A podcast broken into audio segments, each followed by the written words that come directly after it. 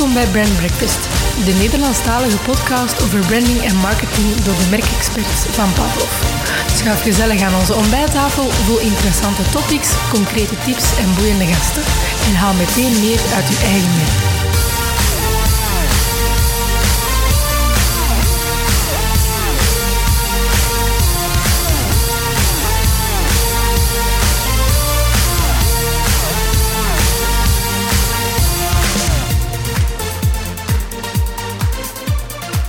Welkom beste luisteraar bij aflevering 51 ondertussen van onze Brand Breakfast. En het is nog eens een good old classic aflevering. Uh, we weten dat sommigen van jullie daar altijd van smullen als wij met twee tegenover elkaar uh, zitten hier. Ja, met good old classic Michael tegenover Voilà, voilà de enige echte Michael zit hier tegenover mij. Om het uh, te hebben over actuele en misschien minder actuele branding topics.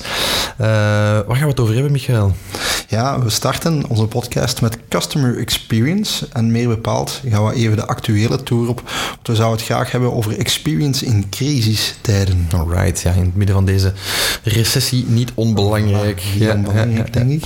Dat brengt ons, uh, ik ging zeggen naadloos, maar ik weet niet helemaal naadloos bij de vraag, ja, beurzen, is dat nog relevant uh, om daaraan deel te nemen als merk? Hè? Daar gaan we ook eens induiken als topic. Inderdaad, en daar ronden we af met het Country of Origin principe, Country of Origin strategie of de Brand Origin strategie, waar we even bespreken wat de zin en onzin daarvan is. Voilà, ik zou zeggen, we gaan er meteen in duiken. Veel luisterplezier.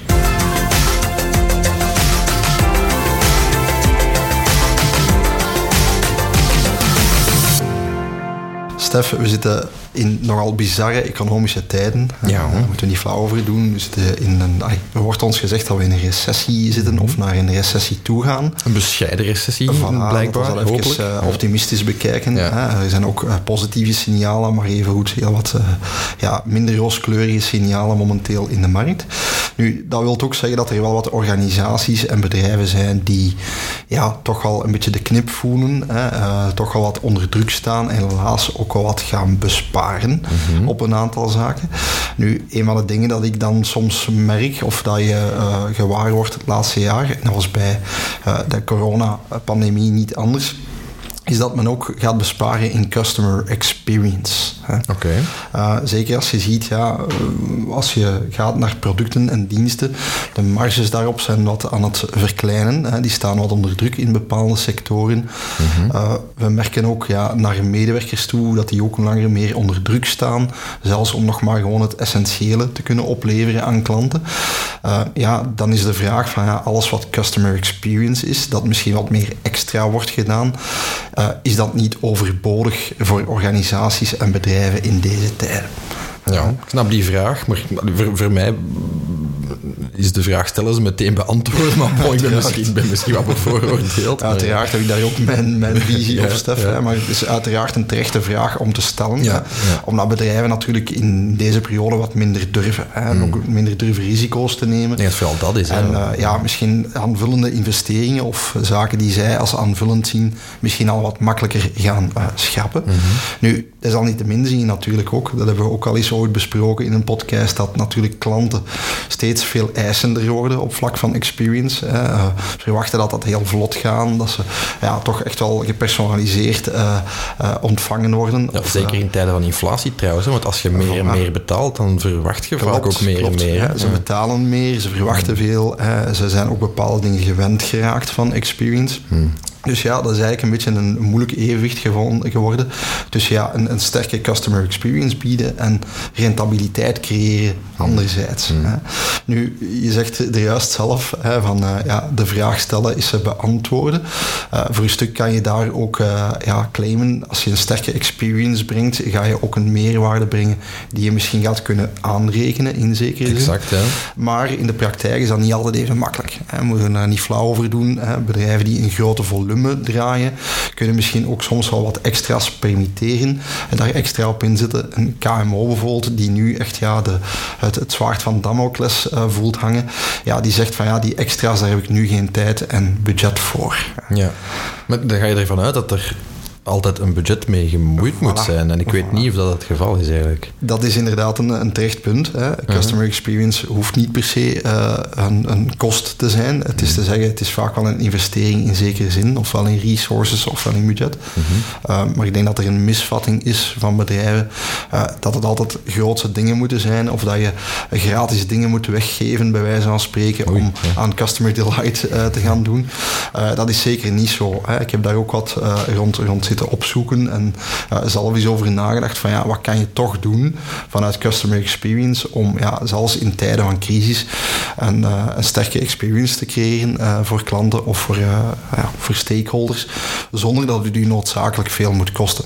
Ja, want voor mij te koer een sterke experience gaat over uniformiteit bieden, hè, dat je mhm. bepaalde dingen belangrijk vindt, of je klant vindt die belangrijk, jij gaat die als bedrijf ook belangrijk vinden. Ja. En je gaat een soort van mentaliteit creëren waarbij dat je alle frictie die dat in de, in de weg kan staan, mm -hmm. dat je die gaat wegnemen, liefst proactief. Voilà. En dat is voor mij meer een, een, een gezonde bedrijfsvoering, dat dat een aparte investering is. Maar ik snap wel in de perceptie van bedrijven, zeker inderdaad wanneer ze onder druk staan van allerhande dingen, ook war for talent trouwens, en, en oorlogen op ons continent, Klopt, dat je dan denkt, oké, ik heb andere prioriteiten. Ja.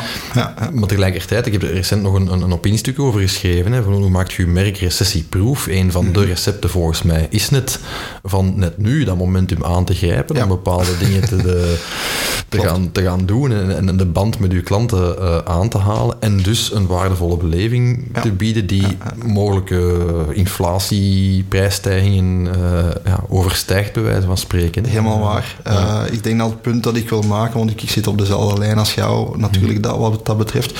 Um, ik wil eigenlijk vooral meegeven dat een experience creëren of een merkbeleving creëren 啊 ja, ook niet het allergrootste effort moet zijn. Hè. Je kan dat inderdaad in kleine uh, zaken ook gaan remediëren. Maar maak dat eens concreet. Stel dat iemand u dat vraagt op een VOCA-receptie of een klant van ons of zo, die, die dat opwerpt. Hoe, Goh, ik, ik, denk, uh, het is vandaag soms moeilijker. Hè, als we vooral spreken over service bijvoorbeeld in customer experience. Mm. Ja, het is soms moeilijker bijvoorbeeld om ja, genoeg uh, inzet daarop te doen, genoeg mensen daarop vrij te maken.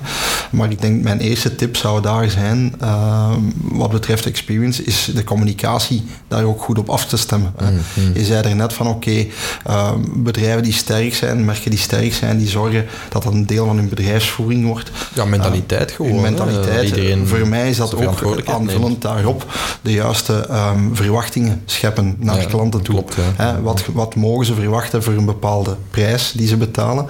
Uh, of ja, in het geval dat er issues komen, bijvoorbeeld met een bestelling, of je loopt vertraging op een, op een dienst, of uh, er zijn in dit geval bijvoorbeeld productieproblemen hè, uh, mm. in veel sectoren, mm. dat je daar ook heel helder over communiceert. Dat je op die manier ook die frictie een stukje gaat wegnemen. Ja, je bedoelt, je communiceert toch op zo'n moment ja. in de customer ja. journey. Waarom dan niet ineens transparant en experience-focused? Ja, experience-focused. En een deel van die experience in deze tijden lijkt mij vooral te liggen op geruststelling van klanten. Uh, vooral bouwen op het vertrouwen, mm. door ze gerust te stellen en te zeggen, oké, okay, vrees niet, we zitten met issues en het zijn moeilijke omstandigheden om in te werken. Voor iedereen, ook voor, voor iedereen. Ja, ja.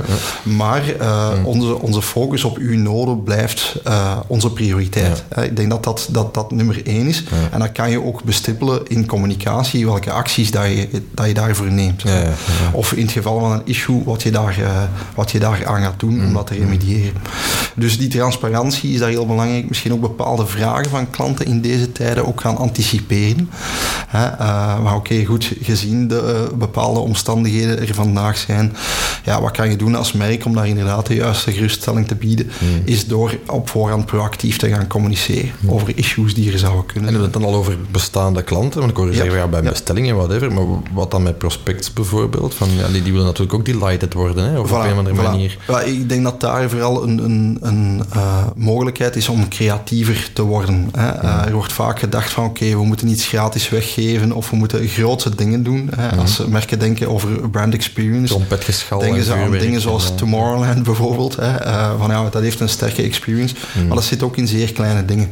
En bedrijven kunnen Ja, vooral, sorry dat ik onderbreek, maar ik denk Voilà, dat dat vooral exact, in ja. zeer kleine dingen zit. Dus ik eh. denk dat bedrijven zich ook bewust moeten zijn eh, en ook creatief moeten worden in hoe dat ze die meerwaarde kunnen brengen in die experience. Hè. Ehm, we hebben dat in COVID trouwens ook gezien, hè, dat bedrijven creatiever zijn geworden. Klopt, hè. Het ja. offline stuk viel helemaal weg. Ja, dus wat doe je om toch die, die contacten te houden met klanten, eh, toch die delight te gaan creëren? Ja, dat is voor te, voor te zorgen bijvoorbeeld dat er online een goede journey is. Uh, of dat je bijvoorbeeld daar, eh, je kan even goed zeggen, in plaats van dat we gratis iets weggeven of een korting geven, dat je een extra meerwaarde op je dienst biedt. Eh, eh, een, een, een filmpje maakt, een, een how-to maakt, eh, een, een extra iets stuurt naar hen eh, dat ze niet verwachten, eh, zonder dat het per se een kost moet zijn. Ja. Eh, dus ik denk dat dat kleine quick wins zijn die je kan meenemen. Eh, wat is er voor mij ook heel belangrijk, en dat is een tip die ik echt wel zou geven aan, aan bedrijven en organisaties, of ze nu B2B of B2C werken, is dat ze echt moeten nadenken over segmentering. Uh, ik bedoel daarmee, als je denkt over prospects of over klanten, uh, je hebt er een aantal bij die misschien topklanten zijn, die zeer loyaal zijn, die misschien ook meerwaarde opbieden, een grotere marge uh, creëren doordat ze meer afnemen bij u, of ja, meer trouw diensten afnemen of producten afnemen. probeer dat ook te segmenteren en probeer die klanten dan misschien ook meer te nurture dan klanten die je eenmalig bijvoorbeeld ja. in, uw, in uw funnel hebt. Ja, dat is eigenlijk gewoon slimme sales, maar dan doorgetrokken naar Ja. je experience. Dan, eh, Om, ja. Omdat daar denk ik ook misschien soms wat de fout wordt gemaakt van ja, de experience moet voor elke klant hetzelfde zijn. Ik ben het daar eigenlijk niet mee eens. Nee, dat is een terechte opmerking. Ehm. Ik denk dat je daar zeker en vast wel kan werken in functie van wat uw klant u gunt, hè, eh, Mhm. budgetair, maar ook in de manier van samenwerken. Dat je op basis daarvan uw experience ook afstemt eh, en misschien meer investeert voor die klanten, waar dat je lange termijn ook meer aan hebt. Ja. Dat is op zich niet onlogisch. Hè? Dus dat zijn een aantal dingen die ik sowieso al zou meegeven. Hè. Los van, oké, eh, dat je inderdaad terecht zegt van het is meer een mentaliteit dan een kost, maar ik kan me wel voorstellen dat als je een goede experience wil brengen, dat dat in zekere zin altijd een investering is. Ja, ik weet dat niet. Omdat voor mij bijvoorbeeld, ik, ik schrijf daar ook veel over en ik spreek daar ook veel over. Ik denk bijvoorbeeld dat dat goede experience ook al is, uw mensen empoweren. Hè? Eh, uw, uw eigen teams, hè? De- de- niet alleen de client-facing profielen, maar ook degenen die, die nooit een klant te zien krijgen, empoweren om eh, eh, frustratie te vermijden hè? Ja. in uw processen. Dat heeft vaak te maken met een proces aanpassen. Ja, ja. Dat heeft vaak te maken met mensen de mogelijkheid en de verantwoordelijkheid te geven over hun eigen vakgebied, Mhm. hè, in correlatie dan met andere diensten en collega's. Maar bijvoorbeeld de mogelijkheid geven, daar- ben ik zelf heel erg fervent voor, voorstander van, van mogelijkheid geven van buiten hun boekje te treden. Wat bedoel ik Ja. daarmee? Eh, dat gaan mensen zeggen van ja, oké, we hebben eh, procedures, we hebben modellen, we hebben systematieken Mhm. om dingen te doen voor klanten, maar je gaat altijd ja, de odd-specific case hebben, links en rechts, Ja. waar dat, ja, dat voor een bepaalde klant niet goed marcheert, ja, durf dan ook een keer de extra mijl te gaan. Te Ja. zeggen van, oké, goed, eh, eh, ja, de winkel gaat dicht om zes uur, maar je moogt uitzonderlijk eh, om één à, of, of om één à zes nog iets komen kopen. Ik geef een stom Ja. voorbeeld Ja, bijvoorbeeld. Of van, ja, we weten in uw specifieke situatie dat dat moeilijk is, of... Dat zit soms ook in, in allee, eh, een stom voorbeeld. Hè. Ik ben, ben natuurlijk zelf geen kleinhandelaar, maar ik verkoop wel mijn, mijn boeken als auteur.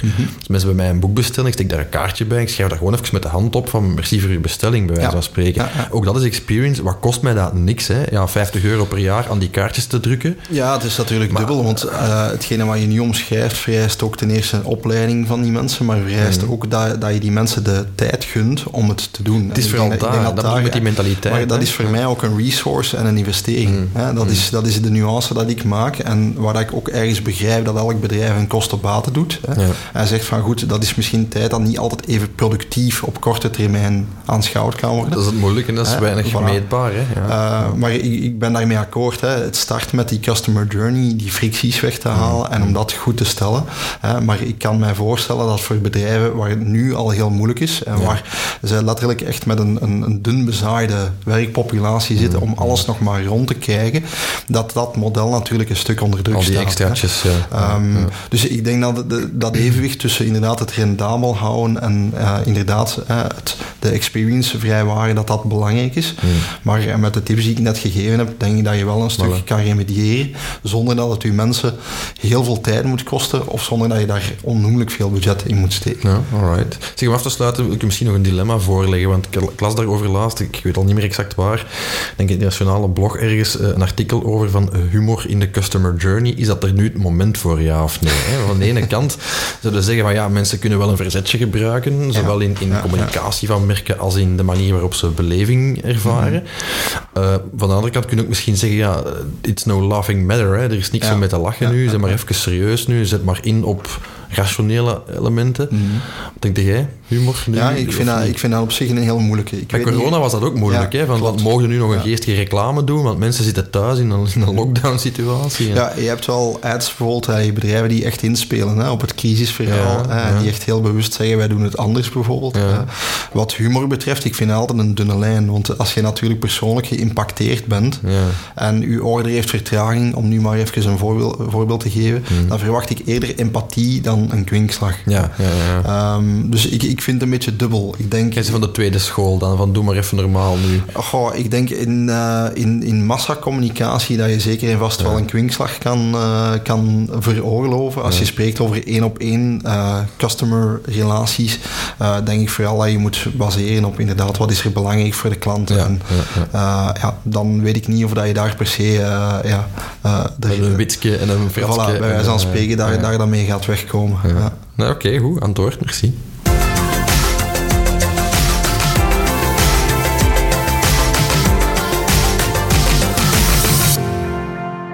Michael, ik krijg geregeld daar vragen over, die mij een beetje verbazen. Maar ik wil het ook met u vandaag met u bespreken. Eh, meer bepaald het topic van beurzen. En dat bedoel ik niet de beurzen die vandaag wat eh, aan het dippen zijn, aandelengewijs. Oké, eh, ook een eh, interessant topic. een overigens. bijzonder interessant topic, absoluut. Maar ik weet niet of veel, veel van de brands die ons beluisteren beursgenoteerd zijn. We zullen het misschien bij deze eens, eens vragen. Maar ik bedoel de beurzen als in de klassieke trade fair beurzen. Ja. Dus de, de, ja. de handelsbeurzen, de evenementen. De evenementen. Ja, um, toen ik begon in dit vak, hè, toen ik nog wat meer haar had en uh, ruim 20 jaar jonger was, mm -hmm. dan was dat een van de standaard dingen waar je uh, als merk mee bezig was. Ja, moest uh, aanwezig zijn binnen een bepaalde sector. Je moest bijna aanwezig ja, zijn. Uh, daar werden ook de deals van het jaar gesloten vaak. Mm -hmm. Dat was de manier met de doelgroep in contact te komen.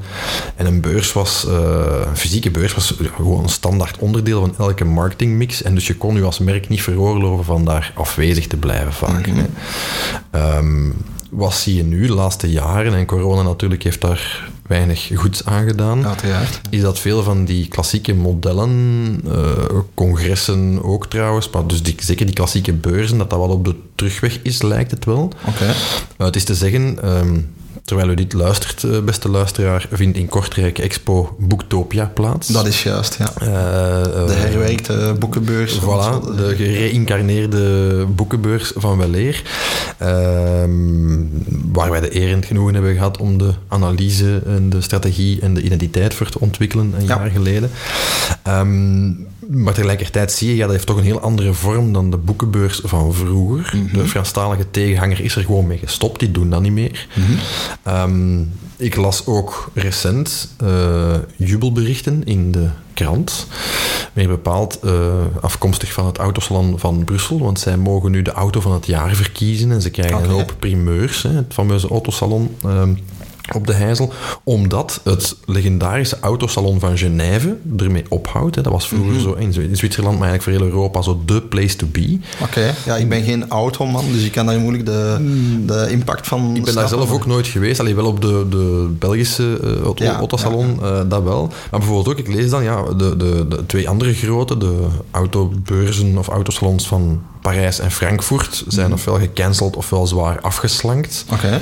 Uh, door corona zijn er verschillende beurzen die een pauze hebben genomen. Bijvoorbeeld het legendarische Battibouw, de ja. bouw- en verbouwbeurs, ja. Is, is niet doorgegaan bijvoorbeeld vorig jaar. Dus je, kan u de vraag stellen van oké, ehm, sommigen uh, houden vast en je ziet er nog heel wat beurzen zijn en, en, en, mhm. en, zeker in niche uh, dingen. Maar je gaat de vraag stellen van hoe relevant is het nog om als merk aanwezig te zijn op zo'n beurs? Hè? Is dat de, de, kosten nog waard? Hè? Is daar nog mhm. rendement uit? Ik weet trouwens niet, ik zal misschien gewoon ineens aan u vragen. Hè? Wat is uw visie daarover? Ja, ik vind dat een fascinerende vraag, want ik zie tegelijkertijd ook beurzen die een opmars maken. Of allee, ik noem het dan eerder evenementen. Ik ben mhm. zelf nogal into geek culture, zoals je dat weet. Hè. ja, de facts kijk naar de facts en, en, de heroes uh, bij ja, Comic Con. En, uh, die, die beurzen zijn in opmars. Hè. Je ziet daar echt hoe langer hoe meer interesse voor. Er zijn er meer die uit de grond uh, gestampt worden. Dus blijkbaar is dat toch een niche van mensen, een bepaalde doelgroep, uh, bij wie zo'n evenement enorm aanslaat. Maar zijn dat beurzen of evenementen? Wanneer dat gaat het evenement al in de, in de mond. Ik denk dat daar ook wel een beetje een onderscheid is. Natuurlijk, je mag, B2C. Ja, je mag, Niet, je mag niet onderschatten. Bijvoorbeeld op een Facts hè, heb je ook een, de grootste hal in Flanders Expo die wordt vrijgemaakt mm. voor dat evenement. Is een shopping market. Ja, exact. Dus, ja, uh, Is echt een, een, commerciële bedoeling. Een beetje gelijkaardig aan, aan een boekenbeurs bijvoorbeeld. Mm, mm. Waarin je eigenlijk in de zijhallen een experience hebt. En eigenlijk ja, in, in de middenste stukken een, een koophal hebt. Vanuit, ja, waar eigenlijk vendors vanuit heel Europa en daarbuiten komen. Om bepaalde exclusieve dingen te gaan, uh, te gaan vermarkten aan die doelgroep. Dus ik zie in bepaalde niches de opkomst eh, van die evenementen zelfs ja, uh, in stijgende lijn. Ja. Nu vergeef mij, ik ben zelf geen, geen niet geeky genoeg om daar al ooit eh, bezoeker te zijn geweest, maar mhm. ik begrijp dat dat er ook uh, volk trekt, omdat daar ja, mensen in cosplay naartoe komen, daar wordt gesigneerd, daar zijn panel sessies met dat bekende... Is het, ik denk dat, dat het community aspect in dat beurs-event, om het zo te noemen, mm bijzonder groot is. Hè? En ik vraag me bijvoorbeeld af, in, in, in de autowereld, opnieuw, ik ben daar dan iets minder in thuis, of dat daar ook niet een stuk geld. Maar dat zal wel als er bijvoorbeeld een tuningbeurs is of een ja, oldtimerbeurs, maar ik denk een autosalon of een baddybouw, dat, dat is heel breed. Hè? Dat is een feit, Dus allee, we establishen ergens dat er een niche nodig is misschien, mhm. en dat er ook iets meer moet zijn dan gewoon kopen. Ik herinner mij bij Booktopia dat ze zeiden van ja, de tijd van, van de boekenbeurs, als in van dat is de grootste boekenwinkel van, van het land mhm. gedurende één of twee weken. Ja. mensen vinden nog meer boeken dan op de boekenbeurs, gewoon online. Hè. Daarvoor moet je niet meer uit je kot komen en misschien een half land afreizen. Correct. Ik denk dat, dat het onderwerp daarom ook heel belangrijk is. Hè? Wat is de meerwaarde die je kan brengen? Als je kijkt in IT heb je ook verschillende beurzen. Uh, een klant van ons stond op Techorama ja, juist, Ja, uh, wat echt een beurs is waar alleen developers en IT-consultants en specialisten naartoe komen. Uh, dat is hyper relevant voor die doelgroep. wij zelf hebben ook een aantal marketingbeurzen en brandingbeurzen waar wij ooit naartoe zijn gegaan met wisselend succes. Dat zeggen de ene al wat interessanter, dan, de andere, dan het andere. Maar ik herinner mij een beurs in, in Nederland, uh, MI-conventie, ja, ja, juist, ja, uh, die zeer specifiek en zeer relevant was, waar eigenlijk ja, een full house was. Hè. Dus maar ook meer evenement dan beurs, dat klopt, hè, bijvoorbeeld. dat is waar. Ga meer over de sprekers en dan ja, heb je in het middenplein inderdaad uh, de partners die daar, die daar staan. Ja, ik denk dat je daar gewoon de vraag moet stellen. De relevantie zit misschien in, inderdaad net in het hm. interactieve aspect ervan. dat je niet gewoon een, een soort markthal creëert, omdat je die eigenlijk online tegenwoordig ook al hebt. Nu, bijvoorbeeld met auto's vind ik dat ook iets anders, omdat je natuurlijk... Ja, Wilt daar in zitten. voilà, dat is een ander soort aankoop. Maar ik denk dat een heel aantal beurzen in populariteit verloren hebben, omdat hun product niet dermate uniek meer was, dat je het nergens anders kon terugvinden. Juist. Uh, dus ik, daar maak ik ergens het onderscheid, en misschien dat je daar correct in bent, om het, het aspect beurs te koppelen aan, of te, te distancieren van het event. Hè. Um, daar maak ik een groot onderscheid tussen. Mm Ik, heb wel, ik heb wel wat research naar gedaan, bijvoorbeeld. Hè, want er zijn natuurlijk wel wat voordelen aan vermerken. Hè, want ze zeggen van ja, het, het, heeft wat van zijn pluimen verloren. Dat is ongetwijfeld zo. En dat, dat zien wij ook en dat horen wij ook. Tegelijkertijd is het ja natuurlijk, wij als pleiters voor small data, hè, we zeggen altijd aan klanten van hè, small data, natuurlijk wel een hele goede manier om in direct contact te komen met uw doelgroep. Ook mensen die je niet kent. Hè. Ja, plus je kan u de vraag stellen, Steffen. Ik vind niet noodzakelijk, natuurlijk voor een organisator, organisator is dat de belangrijkste KPI. Hmm. Maar ik heb liever 10.000 relevante bezoekers die langs mijn stand passeren dan 100.000 uh, toevallige passanten die toevallig in Brussel zijn en een dagje vrij af hebben. Ja. Uh, dat, die vraag kan je ook stellen. Hè. Zijn de bezoekers die komen, misschien ook niet meer de hardline fans, hè, die echt zeggen: oké, okay, we vinden daar een meerwaarde. Er is van. een koopintentie ook. Voilà, voilà hè. waar dat, dat vroeger misschien eerder bestempeld werd als inderdaad van ja, oké, okay, dat is een, een leuk event, dat is groot. We zien daar eens iets anders dan dat we anders niet zouden zien. Uh, ik denk dat het publiek dat tegenwoordig naar een beurs gaat, veel bewuster daar naartoe gaat. Ja, het blijkt ook uit cijfers. Hè. Bijvoorbeeld de deelnemende merken, daar geeft 72% van aan vorig jaar in een enquête wereldwijd, uh, dat ze vooral gaan om qualified leads te genereren. Ah, kijk, voilà. En daar kan ik me inderdaad wel iets bij inbeelden, want je weet, ja, iemand die naar Badibouw gaat, ja, ja, je hebt er natuurlijk die gewoon komen shoppen, Zeker, hè, die, die daar een dagje uit van maken, maar je hebt er anderen die zeggen, ja, ik ga verbouwen en ja. ik wil geïnspireerd worden, ik wil nieuwe producten ontdekken. Mm -hmm. hè, um, als je kijkt naar bezoekerscijfers, hè, 45% van de mensen, zowel B2C als B2B, bezoekt toch nog altijd één beurs per jaar. Ik vind dat ja. nog vrij veel. Ja, ja. Uh, ik vond dat echt uh, fascinerend. Uh, dus, en, en, je ziet effectief, 92% van die bezoekers zegt dan, ja, ik kom voor nieuwe dingen te ontdekken, Zeker, om geïnspireerd te worden en zo verder. Ja, of om, om van experts iets te horen. Hè? Want ik kan ja, klopt. het voorbeeld dat je nu aangaat, ja. batibouw, niet iedereen is een bouwexpert. Nee, voilà, voilà, voilà. je moet al serieus graven om eigenlijk goed te weten wat dat je koopt of welke materialen dat je nodig hebt. Ja, ja klopt. ik denk dat zo'n beurs ongelooflijk veel inspiratie kan bieden. En ook advies inderdaad. Hè? Absoluut. Ja, absoluut, absoluut. Um, natuurlijk, ja, een klassieker ook voor beurzen. En dat was vroeger, denk ik, bij vele bedrijven de belangrijkste reden. Vandaag ook nog zegt 88% van de merken dat ze deelnemen om awareness uit te bouwen. Ook bij mensen die ze, voor zich, ja. die ze nog niet zien. Opnieuw, ik denk dan aan uh, uh, bijvoorbeeld ja, uh, een fact. Ja, je zet er natuurlijk een stand. Je wil dat die mensen in de loop van het jaar ook bij u kopen. Ja. Het zij online Uh, dan, wel, uh, dan wel fysiek. Um, vaak ook profilerend ten overstaan van concurrenten. Van kijk, wij, Ja. zijn, wij zijn er en wij zijn beter en straffer en Ik heb eh, en, eh, de laatste tien jaar vaak dat gevoel gehad van Ja. eh, merken die specifiek ook aangaven, we moeten daar wel staan, want als we er niet staan, lijden we gezichtsverlies. Nu, dat is voor mij niet de belangrijkste reden dat je dat moet doen, maar ik kan er ergens wel in volgen als je dan ja, een jaar skipt bijvoorbeeld. Ja, nu, ik denk eerlijk gezegd, een, een, een consument of iemand die de beurs bezoekt, dat die daar ook niet echt van wakker ligt. Maar als je aanwezig bent, is natuurlijk inderdaad een awareness mogelijkheid. hè. Ja, maar ook inderdaad dus een, een aankoopmogelijkheid. hè. En vroeger Klopt. was dat effectief, hè, bons die getekend werden op zo'n Ja. eh, beurs, op zo'n salon. Eh, in B2B-context bijvoorbeeld blijkt dat 81% van de bezoekers van B2B-beurzen effectief een buying authority heeft. Dus Ja. eh, kan beslissen over kopen. Ja. Ja. dan wil je daar misschien wel aanwezig zijn. Dat is iets dan. anders, ja. Als 8 op de 10 eh, in grote onderzoeken dat aangeeft. Dus ja, het geeft ook heel wat mogelijkheden, het heeft heel wat voordelen. Ehm, ja, het zou niet eerlijk zijn als we de nadelen niet, niet bespreken. Mhm. Ja, het belangrijkste en voornaamste nadeel is natuurlijk dat er veel concurrentie is. Je hebt geen Ja. beurs meer nodig om je te positioneren als merk. Dat wil ook zeggen Mhm. dat uw klant, B2C of B2B, zich ja, be- bewust moet verplaatsen om dat te komen bezoeken. Hè. Dus er moet voldoende value Ehm, zijn. Plus uw doelgroepen kunnen zich meer informeren, ook al online. Hè. Klopt, Die mogelijkheid klopt, was er vroeger gewoon niet. Dus, eh, Maar dat hebben eh, klassieke retailers hebben datzelfde, Ja. diezelfde uitdaging natuurlijk. hè. klopt. Het is soms ook duur. Hè? Dus eh, je moet rekenen, als je een stand hebt, ja, bepaalde beurzen betaal je behoorlijk wat voor de stand. Je moet Mhm. dan een boot hebben. Allee, ik, vind dat, ik vind dat je een eigen boot moet hebben. Ja. Omdat, wat dat je dan zo ziet, die grijze kottekes met dan zo'n wit vaandelke boven, waar dat dan Ja. lettertjes opgeplakt zijn. Ik denk altijd, van, ja, dat heeft zoiets eh triestig zo precies. En ik snap dat, Ja, hè, dat je budgetair niet anders voilà. kunt soms, maar allemaal met dezelfde bannertjes en dezelfde toogjes en het gehuurde meubilair.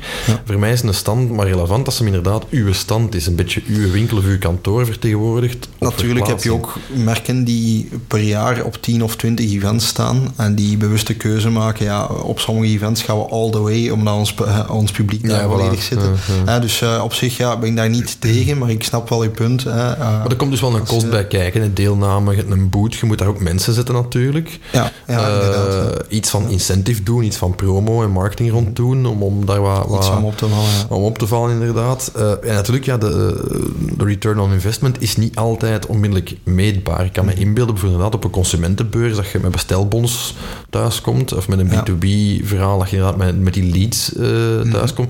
Maar je moet ze wel nog opvolgen. Hè. Het is niet altijd duidelijk. Niet iedereen komt een babbeltje doen op je stand. Hè. Ik heb zelf ook al gekocht bij merken die ik gezien heb op een evenement of een beurs. Klopt. Maar waar, waar allee, dat ik zeg van, ah, tja, ja, juist. Maar waar dat dan niet direct een sale uitkomt, maar het is een van de vele... Uh, ja, ik denk dat dat over veel marketing kan gezegd worden. Ja, die dark funnel is, vaak is overal. Indirect is. Ja, inderdaad, wij hebben zelf nog een, een partij gecontacteerd recent, een mogelijke partij. Ja, klopt, ja, inderdaad. Die wij, denk ik, drie, vier jaar geleden gezien hebben. Het al niet langer is op een beurs, ja, klopt. En we hebben nog altijd die contactgegevens van die persoon die we daar gesproken hebben. Maar we hebben die wel gesproken. Voor hetzelfde geld hebben we die niet gesproken en vandaag ook gecontacteerd. Dat is zonder te verwijzen naar die beurs. Dat dus, is waar. Dat bedoel ik met die, die, die ROI's niet altijd uh, is niet altijd duidelijk. En ja, het belangrijkste, maar dat is dan, dat is dan ook weer teruggrijpend naar het, het verhaal van, van brand experience. Ja, je moet dat wel te goed doen. Ja. Ik bedoel daarmee van, eh, als ik op beurzen kom, ik heb er vorig jaar nog een heel grote gedaan hier in Antwerpen, hoeveel van die mensen dat er verveeld aan die stand, aan dat toogstje hangen of onderling in gesprek zijn, weinig uitnodigend ja, dan moet je dat wel... Ik vind wel dat je dat goed moet aanpakken. Hè. Als het dan een beurs is met bijvoorbeeld sprekers of met evenementen, ja, probeer daar dan ook iets rond te doen. Dat ja, niet gewoon netwerk. Hè. Uh, Dat is denk ik de, een goede tip, hè, dat je dat inderdaad een paar mensen in de zaal hebt, bij wijze van spreken, die ook eens... Uh, ah, ja, voilà. Zeker in B2B denk ik dat dat vaak nog veel effectiever is. Hè. Uh, dat je gewoon ja, ook mensen hebt die zich in het publiek begeven, mee naar de talks gaan, bij wijze van spreken, en netwerken met mensen. dat blijft toch zeker in B2B een, een heel belangrijk. Oké. Okay. Misschien om af te ronden gewoon de vraag: beurzen doen ja of nee? Uh, ik ben nog altijd een grote voorstander. Um, maar zoals ik er net zei, van, ik denk dat zowel de organisatoren als de bedrijven moeten afstappen van het idee van een massabeurs. Mm, mm, mm. En ik zie veel meer initiatieven die meer niche gaan. Ja. En ik vind dat een goede zaak, omdat dat inderdaad, zoals je zelf ook aangeeft, van uh, een publiek aantrekt dat echt een buying intention heeft, of ook heel specifiek voor dat onderwerp daar naartoe ja, Voilà, voilà, Dan zie je dat die return, allee, ik ben daar vrij zeker van dat de return op zo'n beurzen groter is hè, mm. voor bedrijven. Maar ze moeten natuurlijk ja, dan misschien wel wat inboeten in awareness, omdat er minder ja, ja. Footfall is, om het zo te zeggen. Awareness, ja. Um, ik weet dat dat raar klinkt voor een marketeer, maar voor mij is awareness daar dan eigenlijk op zo'n moment nog bijna secundair ja, hè. dat is zo, ja. ja, Dus nee, ik denk zeker, je ziet een trend van meer uh, gespecialiseerde topics mm. in uh, evenementen. En ik vind dat een goede trend. Ik uh, sta daar wel achter en ik denk dat bedrijven daar zeker nog op moeten intekenen. Voor mij is het, het antwoord op die vraag is contextgevoelig. In die mhm. zin van, kun je als merk daar een uh, een meerwaarde bieden, dan denk ik dat je dat zeker moet overwegen. Als het is om zoals 20 jaar geleden gewoon een boot te bemannen te zijn, ja. en daar, daarbij te zijn ja. zonder meer, ja, dan zou ik daar mijn geld niet in steken, eerlijk gezegd. Uh.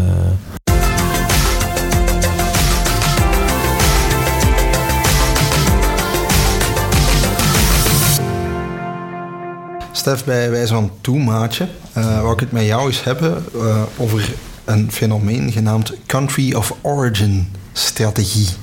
Of brand origin strategie. Ik weet niet of je daar al ooit van gehoord hebt of er iets van kunt inbeelden. Ik kan net zeggen, ik kan me er vaak wel iets bij inbeelden, denk ik. Ja, ja zoals eh, de term het zelf zegt, het gaat over de origine van een merk en meer bepaald uh, de regio of het land van waar de merk, het merk ontstaan is of waar het zich mee wil associëren. Mhm.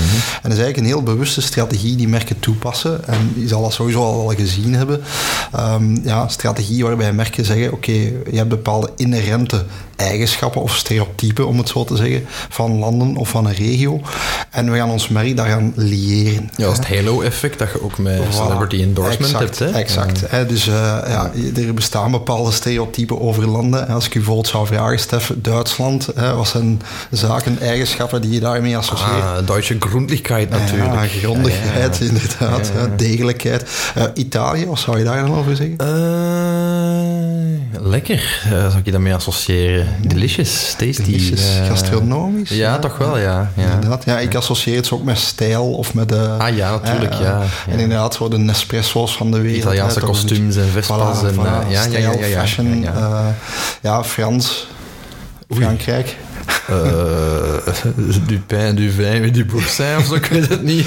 ik moet dan spontaan aan parfum en zo denken. En aan Ah, champagne en dat ja. soort dingen. Zo meer aan de chique dingen. Dat zou ik dan minder eh, zien. Eh, maar ja, ik ben een, een anglofiel meer. Ja, dat dus, is eh, juist. ik zal dat misschien als laatste vragen wat associëren met, met UK ja, of met eh, Engeland. Classy natuurlijk. hè. Ah, Eh, classy, de, de, classy, de classy brands voor gentlemen en, eh, en gentle ladies. Hè. Voilà, dus ik denk dat we wel bij elk land of bij elke regio, want we zeggen nu een land, maar je kan even goed zeggen, ja, Mhm. het zuiden van, eh, van de United States bijvoorbeeld heeft ook bepaalde associaties die je kan koppelen aan een merk. Ehm, ja, en je ziet eigenlijk wel dat er redelijk wat producten en diensten dat wel doen, dat ook Mhm. uitspelen. Hè. Ehm, je zou kunnen zeggen, het heeft een aantal voordelen, hè, want je lieert je natuurlijk in eerste instantie aan positieve eigenschappen Mhm. van een land, hè, die dat zo wat ja, commonly known zijn, om het zo te zeggen. Eh, en het blijkt trouwens ook uit, uit, uit een studie eh, die ik gelezen heb, Stefan Nielsen, uit 2016, dat eh, ongeveer drie kwart van de consumenten dat beschouwen als, als een van de tien belangrijkste verkoopsargumenten. Oké, amai. Hè, dus eh, blijkbaar is dat toch iets dat ja, echt wel in het collectief geheugen zit, die stereotypen. Hmm. En dat is dat iets dat we toch ook graag verbinden aan onze aankoop. Ja. Dat werkt trouwens in beide richtingen, hè, want eh kun je als land natuurlijk ook Dat klopt. optrekken aan de, de brands die je voortgebracht hebt. Dat is juist. Geef eens een voorbeeld, Stef. Ik heb zelf al in mijn gedachten. Spontaan aan denken, omdat ik het daar met Caroline de Winkeler van Bpost over gehad heb. Ja. In, eh, in mijn andere podcastreeks Love Brand zit er een aflevering. Voor zij die het niet kennen, ik vraag in, in elke aflevering aan een bekende of minder bekende gast wat hun favoriete merk is en waarom. En eh Caroline had gekozen voor Zwitserland als Ja. favoriete merk. Niet zodanig omwille van het land, want allee, het is niet dat ze daar speciaal op reis gaat of zo, maar omwille van net die country of origin. Ze zegt van eigenlijk Ja. al die Zwitserse merken, eh, Ja. ja. van, van, van Ricola snoepjes tot Rolex horloges en zo, dat, Ik wou dat, net zeggen, horloges. Ja, en. Victorinox, die messen en zo, dat roept meteen zo die, die Zwitserse punctualiteit en- Efficiëntie, en, efficiëntie ja, en zo op. En, eh, en Zwitserland eh, supporteert dat actief, hè, maar ze natuurlijk ook wel doorhebben dat dat omgekeerd ook werkt.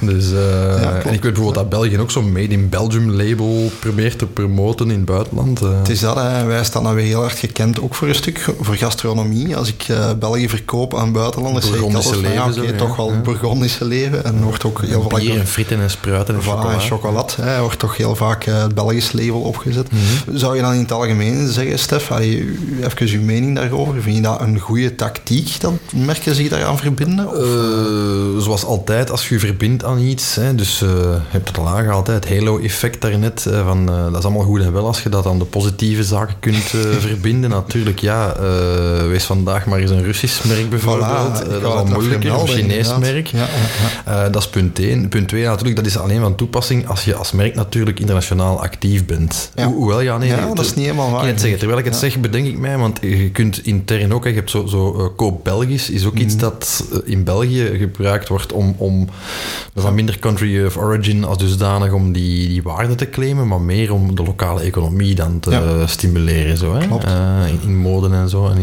in interieurs. Ja, ik denk wat dat betreft, Stef, misschien aanvullend, ik, ik vind het ook een challenge cultureel gezien, omdat ik mij kan voorstellen, jij en ik hebben misschien dezelfde ideeën over waar UK voor staat, Mhm. maar ik kan mij voorstellen dat er ook landen zijn die een minder positief idee hebben over wat Verenigd Dat Koninkrijk is is. niet, hè. eh, niet onlogisch, denk ik. Hè? Voilà, hè, dus eh, natuurlijk, ja, dat is ook afhankelijk. Hè, als je een wereldwijd brand hebt, moet je natuurlijk ook een beetje opletten dat je daar ook geen, eh, ja, geen associaties legt die misschien voor, voor bepaalde consumenten ook wel gevoelig kunnen zijn of, of Ja, negatief kunnen zijn. Dat speelt een rol. En plus, eh, je moet ook wel tegen de tijden veranderen. Hè. Als je bijvoorbeeld naar de, de rol van merken als Porsche of, of Hugo Boss in de Tweede Wereldoorlog, Ja, versus eh, het imago dat ze vandaag hebben als Duitse merken. Allee, ja. Veel Duitse merken adverteren zelfs in België met, eh, met Duitse slogans. Hè. Ik schrijf ja. daarover in, in brandhacking. Heb daar een heel hoofdstuk over. Hè. Dat is zo, eh, de perfect in vorm en functie slogans en zo. En we leven auto's. Ja.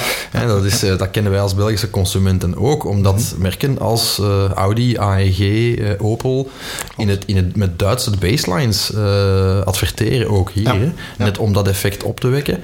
Uh, om terug te komen op uw stelling, ja, dat, dat is inderdaad cultureel gebonden. Hè? Um, en kan fluctueren in de tijd ook, mm. denk ik dan maar. Hè? Er is een tijd geweest dat alles wat Chinees en Japans en zo was, hè? alles wat Aziatisch was, dat mm -hmm. toch een zekere positieve dan wel negatieve connotatie had. Hè? Een paar jaar terug, ja, allee, als je tegen mensen zei, ja, ga, ga met Chinese smartphones rondlopen, dan mm. weer uitgelachen. Hè? Want die Chinezen die kopieerden uh, ja, op, op, op halfslachtige wijze westerse ja. technologie. Dat is bijna knock-offs. Voilà, maar hoeveel mensen lopen er vandaag niet met van die Huawei-telefoons rond? Uh, ik heb zelf een OnePlus. Dat is juist. Uh, wat ja, de facto eigenlijk ook soort of een Chinees merk is. Voilà, we gebruiken allemaal massaal TikTok. ja, wat, ja. we, ik niet, maar de mensheid. Westerse, westerse consumenten. Nee, klopt. Ik denk dat er... Ik denk persoonlijk, vind ik dat er wel een aantal pitfalls aan die tactiek zitten. Mm. Uh, te meer ook, omdat pak dan nog dat de associaties uh, voordelig zijn of positief zijn. Het is wel een imago waar je moeilijk vanaf kan, denk ik. Ja, je hebt ook stel zelf nu, niet in de hand. Hè? Voilà, stel nu dat je je positioneert als een oer-Duits merk ja. uh, en je wil plots een ander imago hebben, ja, dan ga je wel moeilijkheden hebben, denk ik, om daar te gaan pivoten en plots een andere positionering te kiezen die daar niet verband mm. mee houdt. Lijkt mij. Hè. Good point. Um, ik denk als je speelt op die Duitse degelijkheid en je gaat morgen ineens zeggen: oké, okay, we zijn een innovatief en designmerk, uh, ja, dan wordt het misschien iets moeilijker om die claim nog verder te zetten. Ja, Lijkt dat me. snap ik. Ik denk dat bij alle brand values een beetje werkt. Dat hangt er ook vanaf. Hè. Hangt heel je DNA van je merk daaraan op. Tuurlijk. Ja. Versus uh, is dat een van de facetten die een rol ja. speelt, natuurlijk. Ja. Allee, als je, like als Victorinox letterlijk in je logo de Zwitserse vlag hebt, of het Rode Kruis for that matter, ja. dat is natuurlijk nog wel anders, denk ik, dan, dan, uh, dan bijvoorbeeld Audi die een stukje meelift op de Duitse grondigheid. Uh, Tuurlijk, er zitten meer facetten in die, je, kan, uh, die je kan uitspelen. Hè. Um, ja, en ik, ik denk toch ook, uh, voor mij toch ook wel een, een, een een verhaal dat daar misschien ook wel een, een, challenge kan zijn, is dat je natuurlijk ook wel altijd gaat moeten voldoen aan die stereotypen. Mm -hmm. uh, je had het voorbeeld van Audi aan. Als zij morgen niet ja. meer degelijk zijn, mm -hmm. ja, dan vallen ze ook door de mand, denk ik. Hè? Dus ik denk dat daar je risico ook wel groot is, omdat je juist je lieert aan iets dat zo gekend is qua stereotypen, zo gekend is qua eigenschappen, mm. ja, dat je ook wel echt moet voldoen op alle mogelijke manieren aan die culturele verwachtingen die er zijn rond een, rond een land. Ja. Dus ik zie daar persoonlijk wel voordelen van, uh, maar ik zou nu niet elk merk aanraden om zich te liëren per se aan een regio. Nee, maar de koer aan, aan, aan niks, hè, want allee, je kunt dat breder trekken. We nu dat specifiek over country ja. of origin. Ik lees vandaag in de krant dat uh, Adidas uh, zijn deal met, met Ye, ja, met, Ye, met Kanye, beter bekend vervelen als Kanye West, heeft opgeblazen wegens allerhande onzin dat die man weer heeft zitten uitkramen. Ondanks de lucratieve Ik ging net zeggen, en daar diep mee in het eigen vlees snijdt. Dit, dit, dit jaar jaar, 2020, uh, 2022 alleen al, zou het 250 uh, miljoen Correct, uh, ja. winst schelen. Ja. dus ja, maar ja, op een gegeven moment moet je dan distancieren van zo'n figuur. Hè. Mm -hmm. allee, ik moest eraan denken bij het uitbreken van de, de oorlog in Oekraïne. Mm -hmm. um, ik, ik, ben trotse bezitter van een, een, een Lukoil tankkaart. En ik kreeg een mail van Lukoil om te zeggen van ja, we snappen het negatieve sentiment okay. ja, naar, naar Rusland toe, maar ja. weet dat uh, u als uh, Belgische Lukoil-klant uh, niks met Rusland te maken heeft, dat dat hier een, een lokaal organisatie is die aan lokale Belgen en ja. mensen om uw hoek werk verschaft. Allee, bijna een smeekbede van, van niet in te gaan op de oproepen op sociale media van Russische merken massaal te boycotten en zo. Ja, voilà, ik vind dat inderdaad een, een moeilijk verhaal, hè, want dat bedrijf zegt misschien ook, allee, ik ken hun involvement te weinig natuurlijk, mm. of hun politieke ook niet exact in elkaar insteek maar, daarin, maar dat is natuurlijk ja, ergens een jammere zaak voor een merk dat zegt, ja, we hebben onze origine daar, maar mm. het is niet dat we ons per se willen liëren daaraan. Nee, nee allerminst um, Dus ja. ja. kijk, dat is denk ik een moeilijk evenwicht ook daar, maar ja. natuurlijk als je vol op de kaart trekt van, ja, dat is de regio waar we fier op zijn en daar halen we onze inspiratie, dan ligt het nog een stuk moeilijker, denk ik. Mm, klopt. Ja. ja, zoals altijd met alle vormen van endorsement endorsement tussen merken, maar ook merken en personal brands, merken en landen. Ja, dat is allemaal eh, leuk als je maximaal van dat halo-effect kan profiteren. Hè, van inderdaad de goede kwaliteit dat doen afstralen. Is dat met sportploegen ook. Hè. Sponsor maar eens een ploeg die dat eh, in opspraak komt voor allerhande dopingtoestanden of zo. Ja, of slechte sportieve eh, Ja. resultaten haalt. Hè. Dat is een, ook... een- al die endorsement is altijd een tweesnijdend zwaard, Ja. moet je altijd maar denken. Hè. Ja. Correct. Als je bij de winnende ploeg zit, bij wijze van spreken, dan, dan win je zelf als merk ook. Maar En als je wint, heb je vrienden. Hè. Ja. Eh, Zo, Stef, daarmee zijn we aan het einde van onze intussen 51ste podcast voor Brand Breakfast. yes, keurig neergelegd. Voilà. Wie trouwens de overige 50 eerdere afleveringen wil beluisteren, die kan dat doen op welk webadres, Stef? Op eh, www.brandbreakfast.be of een eh, podcast-app naar uw keuze. Kijk, voilà, het is zo simpel als dat. Je tikt gewoon Brand Breakfast in en je gaat bij ons terechtkomen. Het geldt nog steeds dat je uw vragen of uw suggesties voor gasten of topics aan ons kan eh, bezorgen via hello at brandbreakfast.be of je contacteert eh, Stef of mij persoonlijk even eh, en dan nemen we het ook zo snel mogelijk op. Helemaal juist. Vergeet ook niet, als u dat nog niet gedaan heeft, van u te abonneren op deze podcast. Eh, het is ook niet eh, onbelangrijk, dan eh, mis je geen elke aflevering. En, of geen enkele aflevering. En er komen er nog wel wat interessante aan met boeiende gasten die al Ja, vast liggen in de agenda. Laat ons zeggen dat ons najaar al goed gevuld is. Zo is het helemaal. Voilà, we kijken er naar uit om u te vergasten op, op meer branding inzichten de komende maanden. Super. Bedankt voor het luisteren.